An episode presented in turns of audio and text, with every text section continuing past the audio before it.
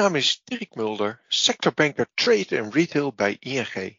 Deze podcast bel ik met ondernemers om te praten over hun bedrijf, ontwikkelingen in de sector en de uitdagingen die zij ervaren. Doel van deze podcast is om andere ondernemers te inspireren. Vandaag ga ik in gesprek met Bert van Zon, directeur-eigenaar van Mud Jeans. De missie van Mud Jeans is om de vervuilende mode-industrie te veranderen. Dit doen ze door te beginnen met het meest populaire kledingstuk, de spijkerbroek. Elke mudjeans wordt namelijk na gebruik gerecycled en zo voorkomen zij dat deze duurzame grondstof op de afvalhoop belandt. Ik praat met Bert over de strijd van een duurzaam merk, actuele trends in de kledingketen, de circulaire economie en de veranderingen bij de consument.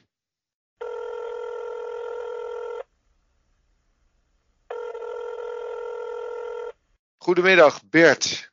Dag Dirk, goedemiddag. Goedemiddag. Nou ja, laten we maar direct beginnen. Kun je wat vertellen over jezelf Bert? Waar moet ik beginnen Dirk? Nou, met, geboorte met, of halverwege? nou. zullen we halverwege beginnen?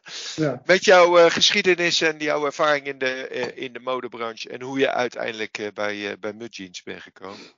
Ik ben begonnen ooit in de kledingindustrie in 1983 of 1982, dus dat is 40 jaar geleden. En eh, toen werd ik ook nog door dat bedrijf uitgezonden naar China, want dat wilde ik heel graag. Omdat ik, het leek me fantastisch om de internationale wereld te zien en te reizen. Dat, eh, dat, nou, dat droomt iedere jonge man van, denk ik, of jonge vrouw. En ik kon daar aan de slag op ons kantoor in eh, Taiwan, Taipei. En dat is een hele mooie ervaring. Dus heb ik, eh, was ik verantwoordelijk, zeg maar, onder andere voor als er verschepingen weggingen, dat je dan de final inspection moest doen. De, volgens het UKL, nee, QAL systeem. Dus dan doe je steekproeven en dan kijk je of alles klopt en je zorgt dat de quota in orde is. Want er waren toen nog quota's tussen Nederland en Taiwan. Eh, allemaal dat soort dingen. Dus dat is hartstikke leerzaam, want dan moet je alles nameten. En als een shippingmarkt verkeerd is, moet je goed Heb je daar ook de, de andere kant van de mode-industrie gezien? Of, eh, Nou ja, nee hoor. Daar, daar werkten we met hele mooie, vaak staatsbedrijven, fabrieken, waar mensen ja, effectief en hard werkten, maar gewoon netjes betaald werden en in nette eh, fabriekshallen zaten. Dat was allemaal prima. Dus om een heel lang verhaal kort te maken, heb ik eh, in mijn leven de, de kledingindustrie. Ik werd later overgeplaatst naar Hongkong. mhm. Eh, ik heb in mijn leven de kledingindustrie zien verworden naar wat het nu is. Het moet steeds goedkoper. Hongkong werd te duur, dan diep China in, dat werd te duur. Vietnam, uiteindelijk Bangladesh en nu wordt alles gemaakt in, eh, in Burma. Onder erbarmelijke omstandigheden. Gewoon omdat het alsmaar goedkoper en goedkoper moet en van minder kwaliteit. Ja, dat, die, die red race naar beneden heb ik, eh, ja, heb ik zien gebeuren. En, en Dus- inmiddels vaarwel gezegd? Nou, dus ik, ik had het geluk in 2008, een heel lang verhaal kort, ik had een bedrijf in Frankrijk, we deden de licenties voor Disney. Dus kinderkleding met Disney pyjama's. Nou, dat is echt eh goede business. Containers vol tegelijk. Maar goed, je moet wel, dat wel netjes doen, want, want ehm, Disney komt natuurlijk wel met een code of conduct. En hè, om ervoor te zorgen dat in ieder geval geen kindjes aan je, aan je, aan je producten zitten frutselen. En, en ook eh, chemicaliën moet je voorzichtig mee zijn. Dus dat was al een stap in de goede richting, maar vanuit de merkgedachte vooral. Niet, niet vanuit de gedachte laten we het beter doen, maar vooral van we mogen geen schade lopen met ons merk Disney. Maar dat ging heel goed en in 2008 eh, kwam er een koper voor dat bedrijf, drie maanden voor de crisis. Dus nu denken alle bankiers en alle mensen dat ik heel intelligent ben, maar dat was puur mazzel. Want nou, drie maanden later zat ik met een heleboel geld thuis en dacht ik, shit, ik moet eh, tien bankrekeningen openen, want anders is het niet gedekt. Dan heb je ineens dat soort problemen. En dat Ja, is helemaal niet, helemaal niet spannend. Ja, ja. Dus eh, toen kreeg ik ook nog een jaarsalaris mee op dat moment. En toen kon ik aan mezelf verkopen dat ik ook maar eens een keer een jaar vrij moest nemen. En alles moest gaan doen wat ik altijd al had willen doen. Dus ik kan nu heel goed golfen. En ik heb eh, mooie reizen gemaakt. En nou, nou, de- uiteindelijk is dat jaar zijn er vier geworden. En in die tijd heb je tijd om rustig eh, terug te kijken en te denken, nou, wat heb ik nou eigenlijk gedaan? Wat heb ik toegevoegd? En dat is natuurlijk eigenlijk helemaal niks. Dus besloten met het beetje geld dat ik nog voor me uit had en een huis verkocht. Geïnvesteerd eh, in een nieuw merk, omdat ik bedacht, eh, als ik nou iets beters wil doen, dan moet ik het allergrootste eh, kledingstuk nemen. Ik heb een beetje nog een netwerk in de kleding. Ik weet wel van mensen kunnen mij niks wijsmaken, want ik heb alles ongeveer wel gezien. Mhm. Dus geld gestoken om een mudjeans op te richten. Met de gedachte van laten we alles beter doen. Dus mensen niks betalen, niet te ver van huis. Dat hoeft ook helemaal niet. Je kan in Noord-Afrika prima spijkerbroeken maken en stoffen in Spanje.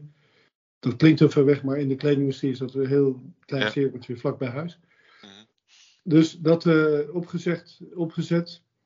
En dan ook nagedacht over nou, wat voor katoen gebruiken we dan, biologische katoen. Uh, wat voor verfstoffen gebruiken we, wat gebruiken we voor chemicaliën of liever niet in, in het wassen van die jeans. Nou, dat, hele pakket, alles wat er op dat moment mogelijk was, elf jaar geleden, om beter te doen, uh, gebruikten we. En in de loop der jaren komen natuurlijk ook steeds weer nieuwe innovaties voorbij die je dan natuurlijk meteen gaat gebruiken. En um, wat ons spannend maakt en speciaal maakt, dat we ook nog eens gezegd hebben, we willen nagebruikte jeans terug hebben, omdat we, nou, dat was de tijd tot de sharing economy opkwam en dat, dat we dachten van die grondstof is eigenlijk zonde dat dat allemaal verbrand wordt of in de grond gestopt wordt. Je kan het gewoon uh, hergebruiken. Nou, gewoon is niet helemaal waar. Je kan het hergebruiken, moet ik zeggen. Best ingewikkeld. Dat doen we nu in Spanje. Dus daar gaan alle. Uh, we hebben een, een, iets bedacht om alle spijkerbroeken terug te krijgen na gebruik. Dat is door middel Wat van, dan? Wat dan? Ja, dat is dus door middel van uh, statiegeld. Ja. Een tientje korting als je oude broek inlevert. Dat kan tegenwoordig ook met andere merken. Ja. En wat, wat uh, in 2012 spectaculair nieuws was, dat we bedachten, je kan ook een jeans leasen bij ons. Met het idee dat, dat de grondstof van ons blijft, van ons bedrijf. En dat, uh, dat jij die broek kan dragen totdat die op is. En dat je hem dan uh, terugstuurt en weer een korting krijgt op de volgende lease. En het mooie was dat dat alles ongeveer wel uitgevonden was in de, in de jeans business. Mm -hmm. Maar dit nog niet. Ja. Dus dat de, ja, de pers struikelde daarover en nog steeds om dat uh, te horen en, en, te begrijpen. En, te, en ja, de circulaire economie was in 2012 een soort toverwoord. Uh, en dat, uh, dat is natuurlijk fijn als je een klein merkje start. En ja. je krijgt ineens de Wall Street Journal aan de telefoon. Die zeggen van we doen een heel item over jullie deze week. Dus ja, dat, dat was een mooi begin. Maar. Praktisch aan de achterkant was het natuurlijk een enorme uitdaging. Als, als ik jou een jeans lease en ik wil maandelijks een bedragje van, je, van jouw rekening afhalen. Ja. Om dat allemaal administratief bij te houden, goed af te letteren. Een groot drama. Dus ik kreeg vrienden aan de lijn die in het begin uh, zo'n jeans hadden geleerd om mij te helpen. Van nou, leuk, ik help je wel, ik doe wel even jeans. Die belden na drie maanden op en zei: je, je, je rekent helemaal niks af van mijn, van mijn bankrekening. Dus dat gaat niet lang duren op deze manier. Nou, uiteindelijk hebben we dat wel opgelost. Maar we hebben jaren gehad dat we met de boekhouder aan tafel zaten aan het eind van het jaar. En, en uh, dat we zeiden van ja, er is ongeveer 200.000 euro binnengekomen. En we weten ook dat we ongeveer nog 200.000 euro moeten krijgen van een heleboel klanten. Ja, afletten kunnen we niet echt. Laten we het maar tegen elkaar aanschuiven. Dat is ongeveer wel goed. Maar goed, dat kan je natuurlijk één of twee jaar doen. En dan, dan moet je dat toch serieus uh, gaan regelen. Toch doen jullie het nog wel, hè? Ja, we doen het. We hebben het nu ook geautomatiseerd. En, en we hebben uh, via, met Firmhouse samen, die hebben een software voor ons geschreven. Dat, uh, nou, nu gaat wel 90% van al die afletteringen en die, het lezen gaat goed. En uh, we moeten nog een gedeelde handmaat doen. Als je, als je een broek wisselt is het lastig. Of als je rouwt bedoel ik. Of als je van bankrekeningnummer verandert. Of iemand betaalt een maand niet, weet je wel. Of kan niet van de rekening. Dat zijn natuurlijk allemaal lastige dingen. Ja. Dus het is heel uitdagend, maar aan de andere kant ook wel heel leuk. We hebben heel veel fans door. En dat zijn wel de hardcore mudjeans uh, mensen die dit doen. En, het, en, en, ook echt zeggen, ja, ik vind het te gek. Mudjeans richt zich op recycling, water en CO2-uitstoot om een duurzame jeans van hoge kwaliteit te maken. De productie van een mudjeans kost gemiddeld 92% minder water en 69% minder energie dan die van een gewone spijkerbroek. Mudjeans wordt vaak gezien als het voorbeeld van de circulaire economie. Hoe ziet Bert dat? Ik spreek wel eens ouders waar, waar kinderen van thuis komen met een economieboekje in HAVO 4 en die zeggen, we hebben over mudjeans gehad in de economieles. Want dat is het eerste circulaire jeansmerk en over circulariteit komen inderdaad tevoorschijn. Dat is natuurlijk geweldig. En dat geeft ons ook veel tractie uh, en dat is ook... Uh, dat is ook wel eervol dat we dat voor elkaar hebben gekregen. Dat, dat klopt, dat is waar. Ja. Maar dan even terug, hè, want uh, dan. Mm -hmm. je hebt je leasemodel, dus uh, ergens komen die broeken terug. Je hebt ook Ja. al gezegd, hè, we halen ze ook eh, binnen de winkel in. eh, dan krijg je een soort van, eh, van statiegeld of een korting op je volgende aankoop. Ja. En vervolgens, wat doen jullie daar dan mee? Ja, dat was ook wel leuk. Die vraag kregen we ook in 2013 toen we daarmee bezig waren. En bij een klein bedrijf eh, heb je geen, geen geld voor eh, marketing. En je wilt toch aandacht trekken. Nou, dan, dan komt de social media natuurlijk in beeld. Dus dat was wel fijn. Dus we hebben toen bedacht, eh, Danique heeft toen bedacht van onze marketingmanager, die van het begin af aan bij is. we gaan het laten zien. Dus we, we gaan op reis. We, stoppen twee oude, stinkende ehm, Land Rovers vol met, met jeans. En dan rijden we mee naar Valencia, naar die mensen die, die dat voor ons gaan vervezelen. We hadden op dat moment nog niet genoeg oude jeans.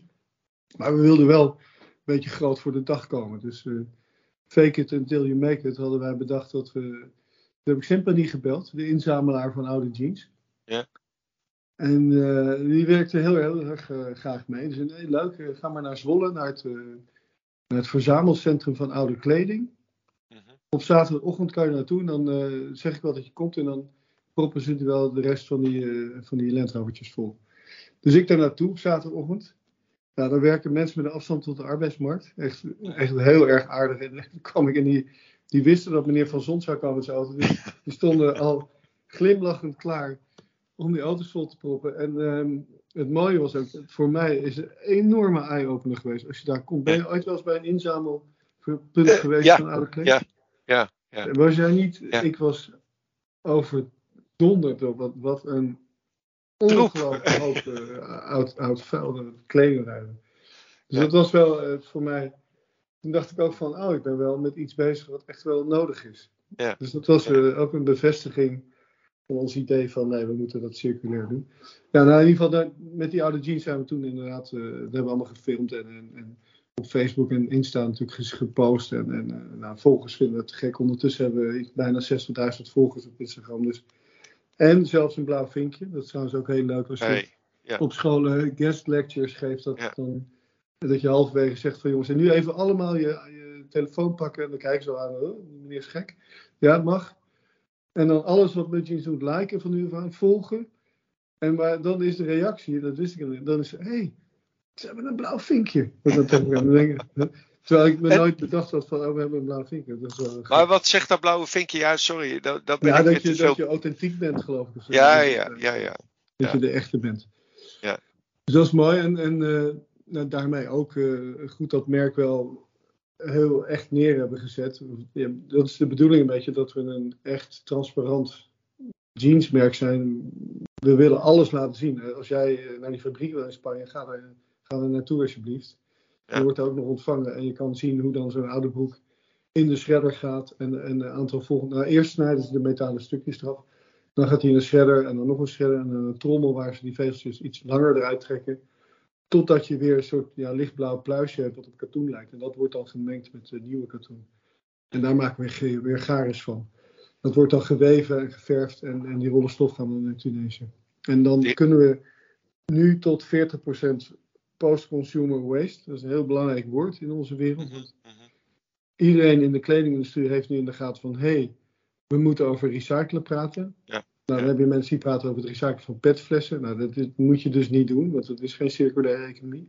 Nee. En eh, snijafval gebruiken in je productie doen we al 100 jaar, is ook helemaal niet spannend. Dat heet pre-consumer waste. Dat wil ik altijd even gezegd hebben, want ja, daar balen wij van dat, dat mensen daar schone schijn mee maken en heel erg eh, interessant doen. Ja. Terwijl er eigenlijk niks gebeurt. Nee. Dus zo word je als consument eh vernacheld. Maar jij zei 40% post-consumer waste. Ja, En dat is op dit waarom? moment maximaal haalbaar. Want? Nou ja, met dat vervezelen, je moet je voorstellen, dat gaat door de shredder. Echt net zoals Ja. jij eh, je boomtakken zo door de shredder doet. Dat, dat raakt natuurlijk een beetje beschadigd en wordt iets korter, dat vezeltje.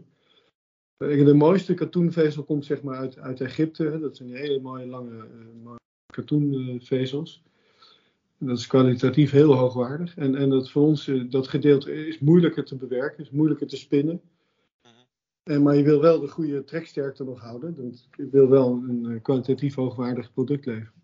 Dus dan kan je niet hoger op deze manier, niet hoger dan 40%. Onze stip op de horizon is natuurlijk 100% uh, post-consumer waste gebruiken. Misschien weet je dat al, misschien heb je het ook gezien in onze documentaires. Waarbij we twee technieken gebruiken. Het wordt een beetje een technisch verhaal, maar de ene is uh, chemisch recyclen. Dat klinkt een beetje vreemd, maar je mag het ook moleculair recycling noemen. Of ja. verpulveren met een zoutoplossing. Dat, doen we met, dat gebeurt met bamboe ook bijvoorbeeld. Niet zo heel erg. Dus dat chemisch recyclen, dat is, dat is uh, een andere manier. En dan krijg je een soort pulp waar je dan een filament van kan trekken. Die je ook weer kan snijden op de lengte die je wil. Moet je je voorstellen, het is een beetje viscoos achter het draadje. Dus dat, dat is niet een, uh, dat is niet zeg maar een stoere denimdraad. Mm Maar dat wil je natuurlijk wel graag gebruiken. Dus eigenlijk is de uitvinding van, van ons, van Dion, mijn, mijn compagnon, dat hij gezegd hebben, nou, als we nou dat post-consumer waste en, en dat chemisch recyclaadje met elkaar mengen, dan, dan, krijg je wel weer een stoere draad. Mhm. Je kan 100% hergebruiken en het is ook nog eens een keer hartstikke sterk. Het is een hoogwaardig uh, product. Nou, dat idee hebben we uitgewerkt samen met Saxion. Daar hebben we ook een subsidie voor gekregen. Daar zijn we een jaar, uh, of we, moet ik eerlijk zeggen, de mensen van Saxion zijn daar een jaar mee bezig geweest om te kijken hoeveel van dit, van het een van het ander en hoeveel, hoe, de, hoe, hoe je dat dan spint op wat voor manier open end of, of ringspun of met, met hoeveel kracht je erop zet. Nou, noem maar op, dan kan je natuurlijk duizend en mogelijkheden. Uiteindelijk hebben we de juiste formule gevonden en, en hebben, hebben ze daar uh, twee vierkante meter van die stof gemaakt. Ja. Dus we hebben daar de eerste Bermuda van gemaakt. We konden geen hele jeans maken, dat was te weinig. Mhm. Ja, dat is een doorbraak voor de wereld, vind ik. Uh, helaas konden we het niet meer patenteren. Nou, helaas maakt het ook eigenlijk niet zo heel veel uit, omdat, omdat we al, we hadden al daarover geschreven en dan vervalt eigenlijk de mogelijkheid om patent aan te vragen. Ja, ja. We wilden eigenlijk patenteren omdat we dan ook zouden kunnen zeggen, nou, voor iedereen gebruik het alsjeblieft. Maar vergeet niet te vertellen dat, dat wij het verzonnen hebben. Mhm. Nou ja, goed, dat, dat, dat, is dan jammer. Maar dat, dat, dat is gelukt, dat is ook de toekomst. En nu uh, is Dion bezig om te kijken of we dat uh, op kunnen schalen, samen met onze Spaanse partner. Ja. Op, op, uh, op productieniveau. Dat is nog even een uitdaging. Ja. Bert, als, als ik dat zo hoor, hè, want dan, dan heb je, je, hebt je normale jeansproductie, hè, die heb je ook nog eens een keer. Maar je moet in je businessmodel, uh, moet je heel lang je krijgt die producten terug. Daar zit je een tijd op. Uh, plus uh, alles wat je voorfinanciert met die, met die lease. Uh, dat komt ook natuurlijk over een tijd binnen. Dus je hebt, je hebt best wel een lastig businessmodel wat dat betreft. ja, nu, nu hoor ik de bankier spreken. Ja, dat klopt, Bert. maar hoe kijk jij daar tegenaan dan? Nee, het, het is een cashflow-matig zwaar, ja. zwaar businessplan. Maar gelukkig zijn er wel veel partijen die tegenwoordig uh, meedenken en, en, en, over de circulariteit ook een push willen geven. Zo heeft uh, de provincie Noord-Holland met, met het fonds PDNH ons gesteund en ook Stichting Doen. Dat was een financieringsronde drie jaar geleden. Nou, die groeispurt hebben we dankzij dat geld kunnen inzetten. En nu zijn we aan de volgende groeispurt nodig. Dus doen we een volgende investeringsronde. Dat is best goed gegaan. Maar het klopt, het is, uh, het is kapitaalintensief. Ja. Ook nog eens een keer uh, werk, veel werk en logistiek intensief. Want, want je moet je voorstellen dat onze logistieke partner, die krijgt van jou of een, of een broek terug die je wil ruilen. Mm. Die krijgt of een broek terug van jou die je gerepareerd wil hebben, want dat doen we ook. Die krijgt of een broek terug van jou die je wil inruilen om een tientje korter te krijgen. Dat kan een mudjeans zijn die nog reparabel is, die we tweedehands kunnen verkopen. Dat kan een ander merk jeans zijn waar 95% katoen in moet zitten. Of het kan een mudjeans zijn die echt helemaal op is en die in de ook gaat.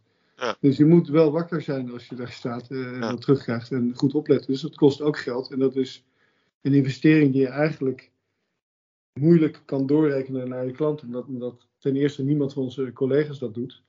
Mhm. uh, en ten tweede ehm, ja, het veel goedkoper is om gewoon virgin materiaal te kopen. Door de levensduur van kleding te verlengen van 1 naar 2 jaar vermindert de CO2-impact met 24%. Maar Jeans stelt haar klanten in staat deze keuze te maken via een reparatieservice en een vintage collectie. Alle klanten ontvangen een gratis reparatieservice tijdens de eerste 12 maanden van hun huurcontract. En de geretourneerde jeans die nog in goede staat zijn, worden gewassen en doorverkocht in een vintage collectie. Vertel Bert. we krijgen ook jeans terug van mensen die nog best wel goed zijn. Of heel goed. Nou, die wassen we dan en eventueel repareren we. Dan hebben we een tweedehands uh, voorstel voor. Dat, dat kan bij ons in het winkeltje in Laren. Ja. We hebben nog geen winkelier die daar meewerkt. En we zijn nu een pilot gaan we doen met Vinted samen. Om daar zeg maar ons eigen winkeltje te hebben. Met, daar, daar willen we eigenlijk al onze tweedehands boeken naartoe, naartoe doen. Dat jij als student de mogelijkheid hebt, hebt, als je een nieuwe mudjeans te duur vindt. Wat ik me kan voorstellen. Want we zijn niet de allergoedkoopste denim met 129 euro.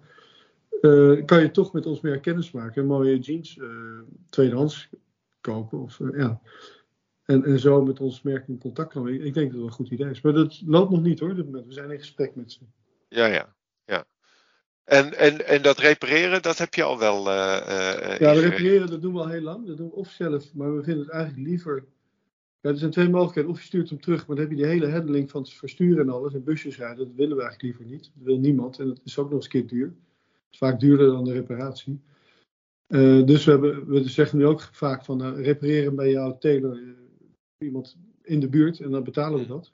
Of we hebben nu een samenwerking met Mendit in Utrecht en in Amsterdam, geloof ik. Het is een heel leuk, heel leuk project. En daar lopen we nu in de proefperiode tot eind augustus. Om te kijken of we verder samen gaan werken. En die hebben hele goede makers die die jeans voor ons repareren. En, en uh, ik hoop dat dat lukt, die samenwerking. Een maar, enthousiaste team. Ja, zeg jij nou van als ik een broek heb en ik heb er een gat in zitten en ik wil het bij jou laten maken, dat jij zegt breng het maar naar de kleermaker op de hoek en wij betalen het? Uh... Ja. ja, dat zeggen wij. Dan, dan kom ik weer even als... jou nog, nog harder schrikken. ik hoor Dirk nu denken van nou gelukkig financieren wij als ING dit bedrijf. Ja, ik moet je, ik moet, nou ja, dat weet ik niet, uh, Bert, of dat heel verstandig is. Uh, zo af en toe, kijk, weet je, wat ik je net zei, je wordt uh, door mijn collega's ook altijd als, als voorbeeld gebruikt. En dan denk ik van ja, kom op ING, put your ja, mouth where, where your money is, hè. Maar goed. nou, maar het is ingewikkeld. Ik snap wel dat, dat, dat ook pensioenfondsen, ik begrijp alles dat je ook op de centjes van. We hebben ook heel lang bij Triodos gebankeerd. Dat, natuurlijk, mhm. ja, dat staat ons nou aan het hart wat zij doen. Dat vind ik ook fantastisch. Maar die hadden ook moeite daarmee om. Ja. Die moeten op de spaarcentjes van hun spaarders passen. Ja. En als wij uh, aan het eind van het jaar niet rondkomen, wat wel eens gebeurt, ja, dan, dan, dan is dat spannend. Uh, Bert, iets anders, want uh, deze uh, of afgelopen tijd is er een rapport van de CPB gekomen, hè, waarin ja. eigenlijk gezegd wordt: van, ja, de consument roept wel dat ze duurzaam willen, maar ja. doe dat eigenlijk niet. is dat iets wat jij ook ervaart? Ja, dat verschilt. Nou, we, we, hebben natuurlijk nu, ehm, om even uit te leggen, onze, onze omzet bestaat voor 40% uit onze eigen webshop. En, en dat is door heel Europa en heel, heel soms uh, verder weg. Dat doen we liever niet, dat maken we expres heel duur. En uh, de andere 40% is, is met 300 winkeliers in, in alle Europese landen zo'n beetje. Dan moet je denken aan Duitsland, Zwitserland, Oostenrijk, België, Frankrijk, uh, nou, die landen. Um, en 20% zijn speciale, dat speciaal omzet, daar kan ik zo iets over vertellen.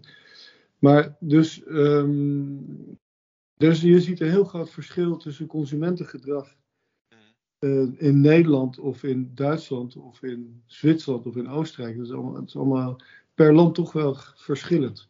Mm-hmm. Dus, dus um, ja, Nederland, wat je nu vertelt, vind ik wel heel erg hard slaan op de Nederlandse markt. Mm-hmm. We zijn natuurlijk een volkje wat heel zuinig is. En, en we praten heel graag over duurzaamheid, maar het mag niks kosten. Dus dat maakt het wel ingewikkeld. Hè? Uh, we houden allemaal van vliegen. Maar vooral omdat het zo heel lekker goedkoop is. Ik denk als, als vliegen tien keer zo duur wordt en, en de treinen worden tien keer zo goedkoop. Dan stappen we allemaal in de trein. En niet omdat we het zo duurzaam vinden, maar gewoon voor de portemonnee. Dus dat zou eigenlijk moeten gebeuren. Is dan de conclusie daarvan. Uh, maar aan de andere kant denk ik, als, als een merk echt hot en sexy is en echt hele mooie, goede modellen heeft. Hè, neem even, ja, wat, wat, wat ja. was het in zijn tijd? Diesel, eh, G-Star. Uh, dan, dan is die consument toch wel bereid om daarvoor te betalen. Ja, dus, dus daar gaan wij nog een beetje de fout in. Dat moeten we ook verbeteren. De, de modellen moeten beter. De pasvormen moeten nog beter. We doen het al heel goed hoor, moet ik eerlijk zeggen. Maar Je moet eh, proberen, hoe kan je het sexy maken? Wij zitten heel erg in onze marketing op. Kijk eens hoe goed we zijn, hoe groen we zijn. En misschien moeten we wel, we zijn ook daarover aan het nadenken van iets minder daarover vertellen. En vooral gaan vertellen dat we gewoon uh, de allerbeste spijkerbroek en de meest coole spijkerbroek maken.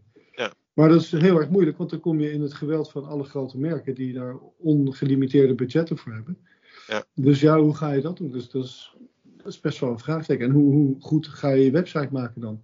Wij kunnen natuurlijk met onze budgetten nooit op tegen mensen die, die ongelimiteerd eh, iedere dag een webshop kunnen verbeteren. Wij hebben een webshop nu, die is drie jaar oud. Ja, dat, dat ziet er niet meer uit. En als je heel eerlijk bent, dan denk je, ja, dat, dat moet nieuw. Nou, dat gaan we ook doen. Maar ja, dat is ook weer een investering. Ja, dat begrijp ik. Alleen aan de andere kant zei je, we hebben echt best wel een grote fanbase. Je staat zelfs in de schoolboekjes. Dus echt de jeugd Ja. die, komt, die, komt, die komt thuis. Daar, daar zou je toch op een bepaalde manier. Jawel. eh, zou je dat gelden moeten kunnen maken, laat ik zo zeggen. eh. Ja, dat is, ik noem dat een beetje de donkergroene klant, zeg maar. Ja. De, de mensen die echt onze fan zijn en in onze bubbel zitten en mij misschien een keer ooit eh, op een podium hebben gezien of, of een filmpje van ons bekeken hebben of weet ik veel. Nou, die, die vinden het geweldig en die, die, gaan, die, die kopen bij, bij zo'n spreken drie uh, jeans, of de hele familie. Maar we willen natuurlijk ook graag meer massa, die, die lichtgroene klant raken en vinden en, en bedienen. Ja, die loopt dan rond in de bijenkorf. Maar als, als wij in de bijenkorf hangen, wat we nu doen, dan worden we vergeleken met verkoopcijfers van Levi's en, en G-Star en dat soort merken. Ja, en die naamsbekendheid hebben wij nog niet. Nee. En het hele verhaal van wat wij doen, ja, niemand in de bijenkorf gaat het jou vertellen als je daar komt passen of iets. Het is gewoon een mooie spijkerboek, that's it. Ja. En dat is natuurlijk jammer, want we hebben een heel mooi verhaal, vinden we zo. Ah, ja, dus dat, dat is een uitdaging. dat is het. Het is ook een mooi verhaal, toch? Eh, Jawel, maar Ja. het, kijk, het werkt het beste. We hebben één winkeltje in Amsterdam, de Torensteeg, eerlijk waar. mhm. Ja, dat winkeltje is 4 bij 5 meter. Dat is ons allerbest verkopende eh, winkel van Nederland. Mhm, mhm. Die, Ja. Omdat je, als je daar binnenkomt, krijg je het hele verhaal ervoor. En ga je niet naar buiten zonder dat je mutjes aan hebt. Eh, Is dat jullie eigen winkel, zei je dat? Nee, nee, nee. Nou, Nee, daar nee, al tien jaar mee. We noemen dat onze, voor de grap onze flagship store. Mhm. omdat het zo heel klein is. En omdat eh, hij heeft ons hele assortiment. Zei, en die hebben we ook overal genoemd. Dus, dus iedereen komt daar. De hardcore Mudgeons eh fan die, die weet wat te vinden. Maar goed, hij heeft ook, dat is wel mooi, hij heeft ook wel eh, toeristen die binnenstappen. Totaal onbevangen en zeggen, oh dat is mooi jeans. En die kopen twee jeans en lopen weer weg. En dan hoop ik dat als ze thuiskomen, eh, eens op onze site gaan kijken. En dan hoop ik denk van, hé, hey, wauw, dat is ook nog eh, helemaal goed. Ja. Dat is in orde dit. Dat Ja. is het leukste natuurlijk. Eh, Ja, dat, dat moet je hebben. Je had Ja. net ook nog in je verhaal over 20% speciale omzet. wat bedoelde Ja. je daarmee? Nou, dat zijn die, die bijvoorbeeld, we hebben een hele mooie actie gedaan met, of doen nog steeds met IKEA. Mhm. Die, eh, we doen vaak van dat soort dingen, maar IKEA was toch wel de kerst op de taart. Drie jaar, vier jaar geleden kwam IKEA met ons in gesprek en zei wij willen in 2030 circulair zijn. Dat hebben we onszelf ook ondertekend intern, dat, dat moeten we zijn. Nou, dat wordt ongelooflijk moeilijk voor, dat, voor zo'n bedrijf. Ja. Maar je moet ergens beginnen. Ze zeggen, jullie zijn circulair, eh, kunnen jullie ons helpen? We pakken de grootste, de iconische bankje, de Clip-On, die iedereen kent. Ken jij zelfs, denk ik. Klopt. Dat tweezittertje. Nou, daar moet een hoes omheen. En, en, en als dat ver- versleten is, dat, dat hoesje, kan je daar een nieuwe hoes. Dan heb je eigenlijk een nieuwe bank. Dus dat, dat is wel heel circulair. En met onze hoes, waar 40% afval in zit, is het natuurlijk een heel mooi, heel mooi verhaal. Nou, dat, dat heeft drie jaar geduurd voordat we dat allemaal rond hadden met ze. En alle audits gedaan worden. En nou, daar kan ik ook een boek over schrijven. Maar ik moet zeggen dat ik wel ehm, bewondering heb gekregen voor, voor IKEA. Hoe, hoe dat werkt en hoe serieus ze met alles omgaan. Hè. Die willen echt serieus eh, dingen beter doen. Dus we maken hoesen voor, eh, voor de clip-on. Je kan bij IKEA nu een hele mooie hoes. Daar kan je ook twee oude je- mudjeans inleveren. Of twee jeans zelfs, ja. Dus dat is, eh, dat is voor ons fantastische handel. Dat hebben heel veel mensen ook gezien. En dan komt hun PR-machine nog eens overheen. Mooie fotografie, dat ziet er fantastisch uit. Ja. Dus dat, dat was heel leuk, ja. Leuk. Ehm, Bert, jullie zijn ook eh, B Corp. Nou heb ik Ja. eh, eh, recent ook gesprek gehad met Tessa van Soest van B Lab, die dus Ja. dat certificaat aangeeft. Wat brengt dat jou, B Corp? Nou, wij zijn het al acht jaar nu. We Ja? waren een van de eerste in Nederland. Een van de eerste, ik wilde net zeggen, ja. En ehm, nou ja, we hebben het gedaan toen omdat we dachten van al die certificeringen, dat, dat vinden we eigenlijk niks. Maar dit is geen certificering, maar het is een, ja, het is een manier van zaken doen. Hè. Je ondertekent de, de, de Declaration of Interdependence, vind ik altijd heel mooi. En je moet je statuten veranderen, dus het is niet zomaar wat. Je, je zegt echt in je statuten, wij zijn een BV, we willen graag geld verdienen. Maar niet ten koste van alles. Dus we kijken, we doen voorzichtig met mensen en natuur in alles wat we doen. En ook bij onze toeleveranciers en de toeleveranciers daarvan. Dat is natuurlijk heel ingewikkeld.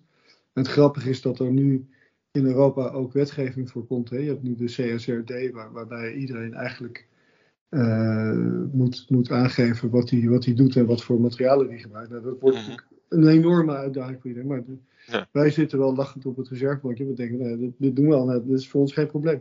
Ja. Dus dat is mooi. Dus de B Corp is, eh, is heel uitdagend. Je moet door die audit. Eh, dan moet je enorm veel vragen eh, beantwoorden en ook kunnen onderbouwen. Als je wat beantwoordt eh, en zij zegt van nou laat maar zien dan, dan moet je het kunnen aantonen. En, en dat is ook heel erg goed. Want ik zeg ook heel vaak, geef ik het advies aan bedrijven die zeggen van ja, ik, ik wil best wel wat duurzamer doen, maar, maar hoe dan, waar begin ik? En dan zeg ik vaak, nou ja, kijk naar die, ga, eens een keer, want die staat gewoon online, die, die B Corp audit. En begin maar door die, door die vragen te scrollen. En dan zou je zien dat je best wel veel kan antwoorden van, nou, dat doen we eigenlijk al een beetje. En, en, Ja. eh, het leuke van B Corp is dat je dan ook tegen jezelf zegt, nou, ik doe nu dit jaar dit. En ik wil volgend jaar dat verbeteren naar dat. En dat je een beetje ja, daar, daar een soort interne zoom aan geeft in je bedrijf. Dat je er iemand ook eh, voor verantwoordelijk kan maken. En zeggen van nou, laten we iedere maand of ieder half jaar of ieder kwartaal naar kijken van hoe hoe onze stappen, of dat helpt of, of dat lukt. Ik vind het eh, een goed, eh, goede tool om mee te werken. Ja. Is, En het is bellen nou, keer- Ja. Ja, jij vroeg wat, wat brengt het je nu? Heel erg veel. Want ten eerste kom je in een soort warm bad van allemaal bedrijven, eensgezind. Mhm. Hè, Wij, hebben natuurlijk heel nauw contact met Dopper en met Tony Chocoloni en met eh Fairphone en noem maar op. En het is ontzettend leuk. Ook acties met elkaar doen. En het allerbelangrijkste in deze tijd is dat wij, wij moeten eigenlijk bijna de deur dicht houden voor jong talent wat binnenkomt en heel graag bij ons wil werken. En zegt, ja, het maakt me niet uit, het, het zal wel niet een geweldig salaris zijn, maar en het kantoor is ook niet eh, helemaal hip en frippy, maar eh, we, we komen gewoon, want we vinden dat we onze, onze brains en onze skills hiervoor moeten inzetten. Ja. Nou ja, wat wil je nog meer? Tot slot, eh, Bert, eh, ehm, eh, ja, dat zijn er heel wat. Maar ka- kan jij één ding aanwijzen waarvan je zegt van goh, dat heb ik nou de afgelopen tijd geleerd, meegenomen, dat is een les van mij geweest, waarvan je zegt van goh, dat zou ik mee willen geven aan andere ondernemers. Ik zou beginnen met maak een heel goed businessplan. En maak vooral ook voor jezelf de worst case scenario. Maar goed, dat hoef ik jou niet uit te leggen. En, Nee. en, en ga daar naar kijken. Ik zeg altijd, maak je Excel sheet met je omzet en je marge en je kosten. En dan heb je rechtsonder komt er een getal uit. Nou, en dan als je dat leuk vindt, dan moet je de omzet door twee delen en de marge halveren en je kosten verdubbelen. En dan kijken of je het nog steeds leuk vindt, of je er zin in hebt. Maar goed, dat is een beetje kinderachtig om dat op deze manier neer te zetten. Maar, maar maak wel een heel goed, serieus businessplan. eh. Zo de- gedetailleerd mogelijk. En laat je daar ook bij helpen, desnoods. Of laat, laat andere mensen ook naar kijken. Maar goed, dit doen jullie als bankiers natuurlijk goed. Maar het is misschien beter om dan een onbevangen iemand even naar, naar te laten kijken. Van wat je allemaal. Al ja, want je doet een heleboel aannames. mhm. Eh, Klopt dat wel? Weet je? Ja. En, en wat ik ook eh, fout heb gedaan, is, daar heb ik gisteren les in gehad op Nijrode. Ik doe nu de cursus voor eh, commissaris en toezichthouders. Waanzinnig interessant, moet ik zeggen. En een van de sprekers gisteren was eh, iemand die, die doet aan eh, voorspellingen. Dat Ja. ik niet goed, die doet aan scenario schrijven. Dat Ja. je op bank natuurlijk ook. Ja. En die, legt, die kon waanzinnig goed in twee uur uitleggen van wat het, hoe de wereld er in 2025 uit gaat zien. Of wat de kansen zijn, hoe het eruit kan gaan zien. En als het er zo uitziet, wat je dan gaat doen. Of dat je nu al na gaat denken, oké, hoe reageer ik daar dan op? Als het dit wordt, of als dat wordt. En ook voor 2040. En, en dat heb ik natuurlijk ook helemaal niet gedaan. Maar gelukkig zat ik wel op het goede pad met het idee van... ehm, duurzaamheid is gewoon hier to stay. Weet je? Het, is, het is geen hype of zo. Het is niet iets van, oh, we gaan nu even twee jaar over duurzaamheid praten, want dat, dat is uh, spannend. Nee, dit is voor de volgende 50 jaar gaan we, gaan we keihard met z'n allen nadenken over van, waar zijn we in godsnaam mee bezig en hoe gaan we al die, die puzzelstukjes beter doen. En het hoeft helemaal niet uh, minder te worden hè, dan. Je kan nog steeds een mooie spijkerbroek dragen. Die misschien iets meer kost, maar waar je langer mee doet. En waar je net zo goed uh, ermee uit kan zien. En, en nou ja, dat soort dingen. We hebben het nu gemerkt met energie. Zodra het geld kost, kunnen we ineens allemaal toch iets korter douchen. En uh, doe ik een extra trui aan. Ik zelf ook, hè. En uh, zet ik hem op 18 graden. Ja. Geen probleem. Ja. Ik, ik heb er echt geen mindere winter van gehad, hoor. Nee. En daar was het natuurlijk een zachte winter. Maar snap je, dat bedoel ik. Dus we moeten wel wakker worden met z'n allen. En gelukkig zat ik daarop, dat, dat idee van, ik heb drie kinderen. Wat laten we na, hè? mijn generatie, eh, onze generatie? Zijn we daar trots op? Nee. Hebben we het allemaal goed gedaan? Nee. Uh, moeten, we, moeten we boos zijn op onszelf? Nou, ik denk ook niet, want ja, het kon niet op, weet je. We hebben samen onze jeugd doorgebracht in Zeist. En, en het was één groot feest. Alles was mooi en groot en de groei was onbeperkt. Ja, ja nou, eens. Dat bleek dus niet helemaal te kloppen uiteindelijk. Nee. En nu is er een mooi boek verschenen. Ja. Is er leven na de groei? Van een Schendeling. En de, die legt het goed uit. Dat er wel leven kan zijn. Ja. Maar dat groei, groei, niet het enige is wat uh, nee. heilig is. Nee, eens. Ik denk een mooie afsluiting. Uh, ja, Bert, uh, ja, mag ik jou heel hartelijk danken voor, voor dit gesprek. Ja. hartstikke leuk. Zeker, graag gedaan. Deze podcast maakt onderdeel uit van een serie gesprekken met ondernemers uit de sector trade en retail. Meer podcasts en informatie over de sector vind je op ing.nl. Wil je nou zelf een keer meedoen aan een podcast? Mail me dan op dirk.mulder.ing.com.